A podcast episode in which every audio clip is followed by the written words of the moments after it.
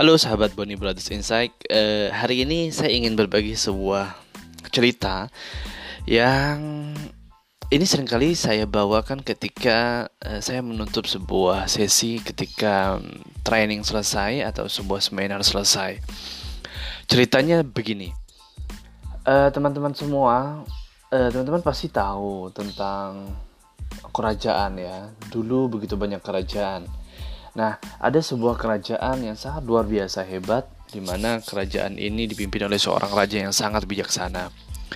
Nah, dengan kebijaksanaan sang raja ini, dia memiliki tiga orang penasehat yang ikut membantu dia bisa mendapatkan uh, ide, bisa mendapatkan keputusan, bisa menghasilkan maklumat yang bermanfaat untuk rakyatnya. Nah, suatu hari raja ini memanggil tiga orang penasehatnya. Hai, tiga orang penasehatku ke sini. Anda bertiga saya berikan sebuah tugas yang mana ini mungkin cukup berbeda dengan pekerjaan yang selama ini Anda lakukan sebagai seorang penasehat raja. Lalu se penasehat rajanya berkata, "Apa itu wahai paduka? Kami siap melakukan apa pun yang engkau perintahkan." Kata penasehat ini. Wahai penasihatku, saya hari ini menginginkan kalian bertiga untuk pergi ke kebun istana dan saya menginginkan teman-teman semua, penasihat semua untuk mengumpulkan buah-buahan yang ada di kebun istana. Dan saya sudah menyiapkan saya sudah menyiapkan karung masing-masing bagi Anda satu dan saya berharap nanti di sore hari kalian membawa hasil yang sudah kalian dapatkan di kebun istana. Silahkan ambil karungnya dan silahkan untuk pergi ke kebun istana. Akhirnya tiga orang penasihat ini pun berangkat ke kebun istana. Penasihat yang pertama dia melakukan pekerjaan yang diperintahkan oleh sang raja dengan sangat-sangat malas. Dia melakukan perbuatan yang uh, yang, yang mungkin tidak diinginkan oleh sang raja dia mengambil rumput yang kering, dia mengumpulkan daun-daun yang kering, ranting-ranting yang kering, dia masukkan ke dalam karungnya. Sampai itu semua penuh. Dan dia berpikir, ah, raja ini memang tidak punya kerjaan. Masa saya diberikan tugas untuk mengumpulkan buah-buahan? Masa saya ditugaskan untuk melakukan pekerjaan yang bukan ini tugas saya sebenarnya? Raja memang tidak punya pikiran. Lalu dia terus melanjutkan pekerjaannya. Lain hal dengan penasehat yang kedua. Penasehat yang kedua eh, cukup serius ya, cukup serius. Dia uh, ada mengambil buah-buahan yang ada di pohon dia ambil buah-buahan itu dia masukkan lagi tapi lama kelamaan dia cepat lelah itu dia masukkan ke dalam ah saya ambil lagi deh dia ambil lagi buah-buahan yang sudah jatuh yang mungkin busuk. Dia masukkan ke dalam itu. Dia masukkan ke dalam karungnya. Uh, aduh sampai penuh. Dan dia merasa ah raja pasti nggak punya waktu untuk mengecek apa yang sudah saya ambil. Dia sangat sibuk sekali. Nggak apa-apa lah saya masukkan buah-buahan yang sudah busuk ranting-ranting yang sudah agak kering agar kelihatan karungnya penuh katanya begitu. Sampai karung yang dia miliki penuh lain hal dengan penasihat yang ketiga, dia melakukan pekerjaan yang diperintahkan oleh sang rajanya dengan sangat-sangat serius. Dia berpindah dari pohon ke pohon, dia mencium buah-buahan yang terbaik, yang ranum, yang segar baunya, dia masukkan ke dalam karungnya. Dia berpindah dari ranting ke ranting, dia berpindah dari cabang ke cabang, pindah, naik, turun, terus dia naik lagi ke pohon-pohon yang lain untuk bisa mendapatkan buah-buahan yang terbaik, buah-buahan yang ranum yang enak yang bisa dimakan. Pelan-pelan proses itu terjadi dan akhirnya karung yang dia miliki pun akhirnya penuh. Dan dia sangat puas sekali. Sore hari menjelang, akhirnya ketiga orang penasihat raja ini akhirnya menghadap kembali kepada sang paduka raja. Hai sang paduka raja, kami sudah melakukan apa yang kau perintahkan kami sudah melakukan satu hari ini dengan hari yang sangat luar biasa hebat sekali kami melakukan apa yang kau perintahkan. Wahai yang mulia, wahai paduka yang mulia, selanjutnya apa lagi yang kami harus lakukan? Ujar penasehat ini. Paduka Raja pun menghela nafas. Sekarang yang harus kalian lakukan adalah buka isi karungnya dan makan isinya. Ya, cerita berhenti sampai di sana teman-teman semua. Dan teman-teman semua masih bisa berpikiran, kira-kira penasihat mana yang yang akan menikmati. Ya, kita lihat dulu yang menikmati, yang sangat enjoy, yang bisa merasakan buah-buahan yang terbaik itu. Dan di lain sisi penasihat mana yang akhirnya nyesek ya. Penasihat mana yang akhirnya dia merasa wah, ini suatu pekerjaan yang yang merugikan ternyata bagi saya. Dan teman-teman semua, dari sebuah kisah yang singkat ini kita bisa melihat bahwa sebenarnya apa yang kita lakukan di dalam kehidupan sehari-hari ini baik dalam proses pekerjaan di kantor, pekerjaan di rumah, pekerjaan buat diri sendiri, buat kita sendiri, buat orang lain dan sebagainya. Semuanya sebenarnya adalah proses yang mana proses tersebut seperti seorang penasihat raja mengisi karungnya dengan yang terbaik.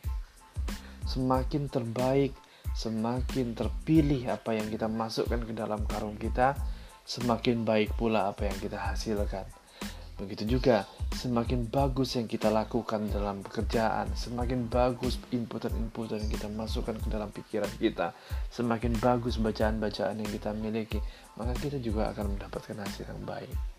Jadi, apa pun yang kita rasakan, apa pun yang akan kita lakukan, apa pun yang kita konsisten terus lakukan, semuanya bukan buat siapa-siapa. Akan tetapi itu semua untuk kita sendiri, untuk kebaikan kita sendiri. Jadi, hati-hati dengan apa yang kita lakukan, tetap semangat dan terus lakukan yang terbaik untuk bisa menghasilkan apa yang terbaik. Itu saja untuk hari ini. Terima kasih sudah mendengarkan Bonnie Brothers Insight dan selamat pagi dan sukses selalu untuk kita semua.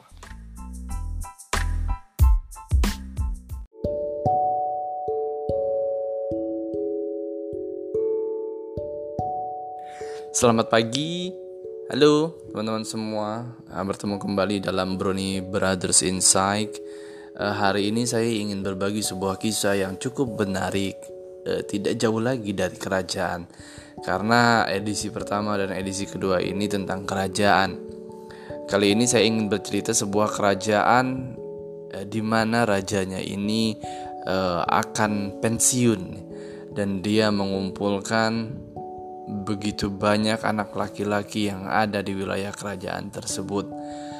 Pada suatu hari, seluruh anak-anak laki-laki itu dikumpulkan di lapangan istana. Di sana, setiap anak akan diberikan sebuah pot yang berisi sebuah benih bunga.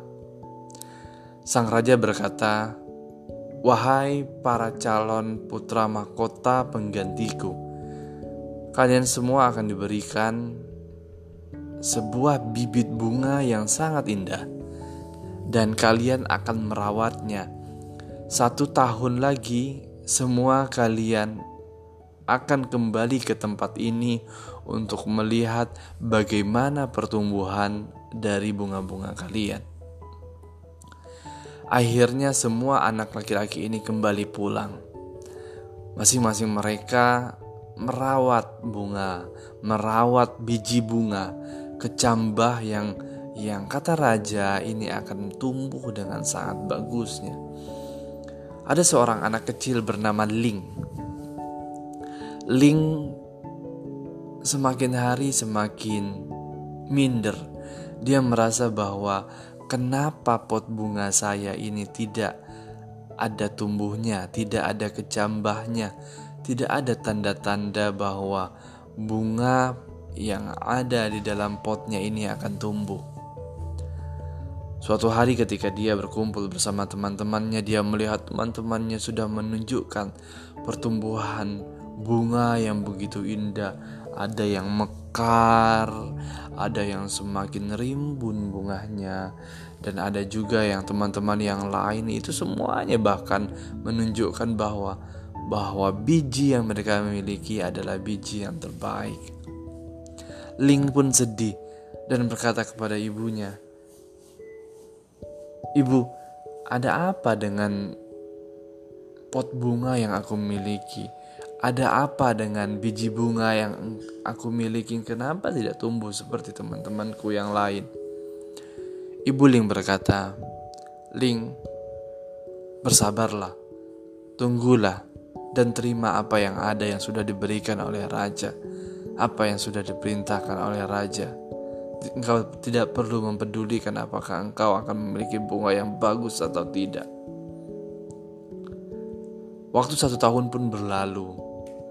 Akhirnya seluruh anak kecil di seluruh kerajaan itu dikumpulkan kembali di lapangan istana.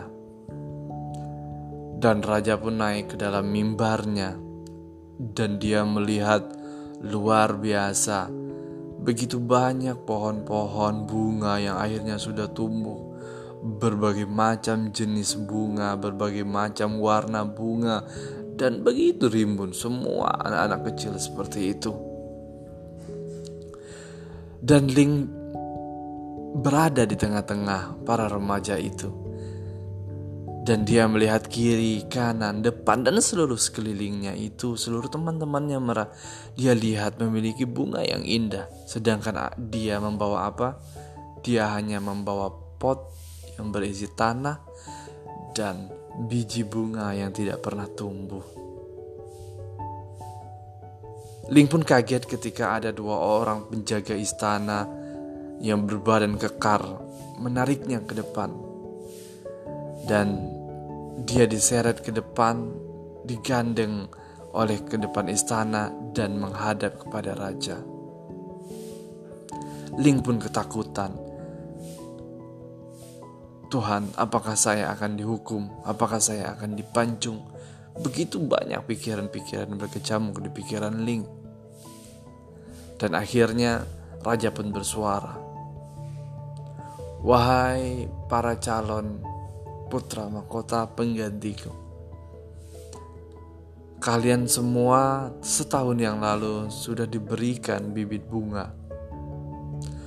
Dan hari ini kalian telah menunjukkan perubahan yang sangat luar biasa. Dan saya mengapresiasi kalian semua yang mau kembali berkumpul hari ini. Dan hari ini adalah hari di mana saya akan mengumumkan siapa yang akan menjadi putra mahkota saya dan siap mengganti saya sebagai seorang raja. Satu orang terpilih tersebutlah yang nantinya akan menjadi orang nomor satu di kerajaan kita.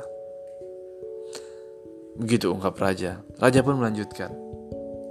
Tapi ada satu hal yang ingin saya beritahu kepada kalian semua bahwa setahun yang lalu sebenarnya saya memberikan semua dari Anda bibit yang sama, yaitu bibit yang rusak, bibit bi dari biji yang tidak akan pernah tumbuh, dan bibit yang pastinya sampai kapan pun tidak akan bisa menghasilkan benih yang bagus dan tumbuhan yang bagus.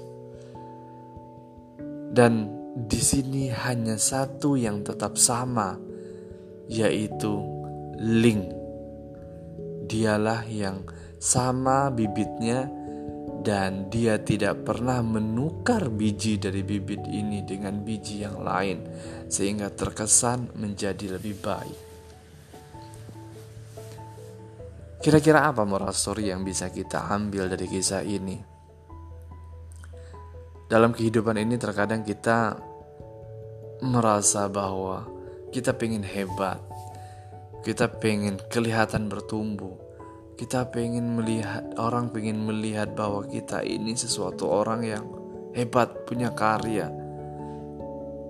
Akan tetapi apa Seringkali tuntutan-tuntutan tersebut akhirnya membuat kita menjadi orang pembohong, orang yang menipu diri sendiri, orang yang menggunakan seluruh cara, orang yang menggunakan seluruh apa yang dia miliki dengan cara menerabas aturan-aturan yang sudah ada.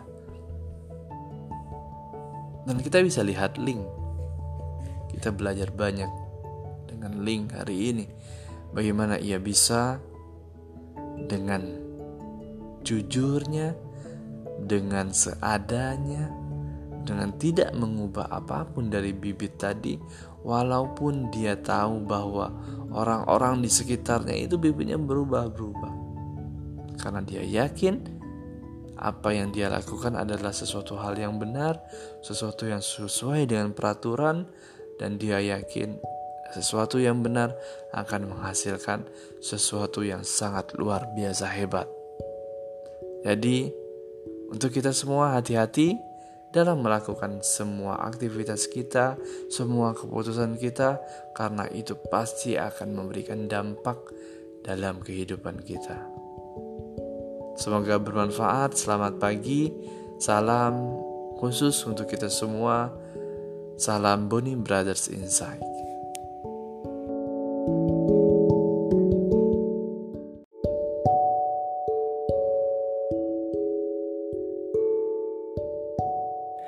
Selamat pagi, halo teman-teman semua. Ah, bertemu kembali dalam Brony Brothers Inside uh, hari ini saya ingin berbagi sebuah kisah yang cukup menarik, uh, tidak jauh lagi dari kerajaan, karena edisi pertama dan edisi kedua ini tentang kerajaan.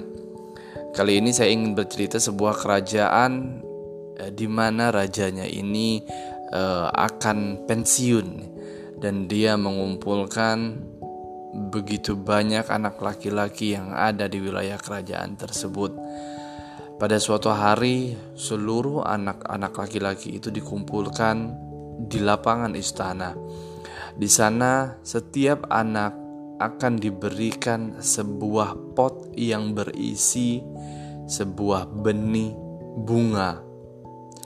Sang raja berkata, "Wahai para calon putra mahkota penggantiku, kalian semua akan diberikan sebuah bibit bunga yang sangat indah, dan kalian akan merawatnya. Satu tahun lagi, semua kalian akan kembali ke tempat ini untuk melihat bagaimana pertumbuhan dari bunga-bunga kalian. Akhirnya, semua anak laki-laki ini kembali pulang. Masing-masing mereka merawat bunga, merawat biji bunga, kecambah yang yang kata raja ini akan tumbuh dengan sangat bagusnya. Ada seorang anak kecil bernama Ling. Ling semakin hari semakin minder. Dia merasa bahwa kenapa pot bunga saya ini tidak ada tumbuhnya, tidak ada kecambahnya, tidak ada tanda-tanda bahwa bunga yang ada di dalam potnya ini akan tumbuh. Suatu hari ketika dia berkumpul bersama teman-temannya, dia melihat teman-temannya sudah menunjukkan pertumbuhan bunga yang begitu indah. Ada yang mekar, ada yang semakin rimbun bunganya, dan ada juga yang teman-teman yang lain itu semuanya bahkan menunjukkan bahwa bahwa biji yang mereka miliki adalah biji yang terbaik. Ling pun sedih dan berkata kepada ibunya, "Ibu, ada apa dengan pot bunga yang aku miliki? Ada apa dengan biji bunga yang aku miliki? Kenapa tidak tumbuh seperti teman-temanku yang lain?" Ibu Ling berkata, "Ling, bersabarlah, tunggulah, dan terima apa yang ada yang sudah diberikan oleh raja." apa yang sudah diperintahkan oleh raja. Engkau tidak perlu mempedulikan apakah engkau akan memiliki bunga yang bagus atau tidak. Waktu satu tahun pun berlalu.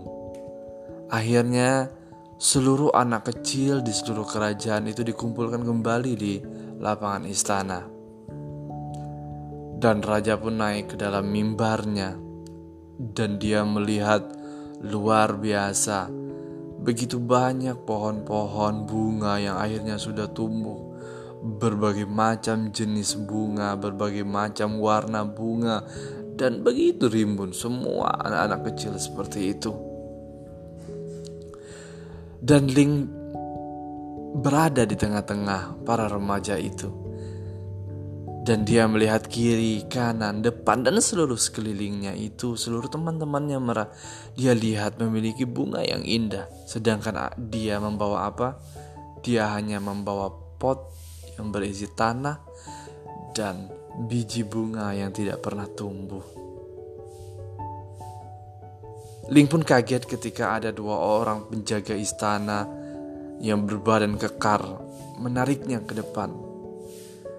Dan dia diseret ke depan, digandeng oleh ke depan istana dan menghadap kepada raja. Ling pun ketakutan. Tuhan, apakah saya akan dihukum? Apakah saya akan dipancung? Begitu banyak pikiran-pikiran berkecamuk di pikiran Ling. Dan akhirnya raja pun bersuara. Wahai para calon putra mahkota penggantiku. Kalian semua setahun yang lalu sudah diberikan bibit bunga. Dan hari ini kalian telah menunjukkan perubahan yang sangat luar biasa. Dan saya mengapresiasi kalian semua yang mau kembali berkumpul hari ini. Dan hari ini adalah hari di mana saya akan mengumumkan siapa yang akan menjadi putra mahkota saya dan siap mengganti saya sebagai seorang raja. Satu orang terpilih tersebutlah yang nantinya akan menjadi orang nomor satu di kerajaan kita. Begitu ungkap raja. Raja pun melanjutkan. Tapi ada satu hal yang ingin saya beritahu kepada kalian semua bahwa setahun yang lalu sebenarnya saya memberikan semua dari Anda bibit yang sama, yaitu bibit yang rusak, bibit bi dari biji yang tidak akan pernah tumbuh, dan bibit yang pastinya sampai kapan pun tidak akan bisa menghasilkan benih yang bagus dan tumbuhan yang bagus. Dan di sini hanya satu yang tetap sama, yaitu Ling. Dialah yang sama bibitnya dan dia tidak pernah menukar biji dari bibit ini dengan biji yang lain sehingga terkesan menjadi lebih baik. Kira-kira apa moral story yang bisa kita ambil dari kisah ini? Dalam kehidupan ini terkadang kita merasa bahwa kita pengen hebat, kita pengen kelihatan bertumbuh, kita pengen melihat orang pengen melihat bahwa kita ini sesuatu orang yang hebat punya karya. Akan tetapi apa Seringkali tuntutan-tuntutan tersebut akhirnya membuat kita menjadi orang pembohong, orang yang menipu diri sendiri, orang yang menggunakan seluruh cara, orang yang menggunakan seluruh apa yang dia miliki dengan cara menerabas aturan-aturan yang sudah ada. Dan kita bisa lihat link. Kita belajar banyak dengan link hari ini. Bagaimana ia bisa dengan jujurnya, dengan seadanya, dengan tidak mengubah apa pun dari bibit tadi, walaupun dia tahu bahwa orang-orang di sekitarnya itu bibitnya berubah-berubah. Karena dia yakin apa yang dia lakukan adalah sesuatu hal yang benar, sesuatu yang sesuai dengan peraturan, dan dia yakin sesuatu yang benar akan menghasilkan sesuatu yang sangat luar biasa hebat. Jadi, untuk kita semua hati-hati dalam melakukan semua aktivitas kita, semua keputusan kita, karena itu pasti akan memberikan dampak dalam kehidupan kita. Semoga bermanfaat. Selamat pagi, salam khusus untuk kita semua. Salam Boni Brothers Inside.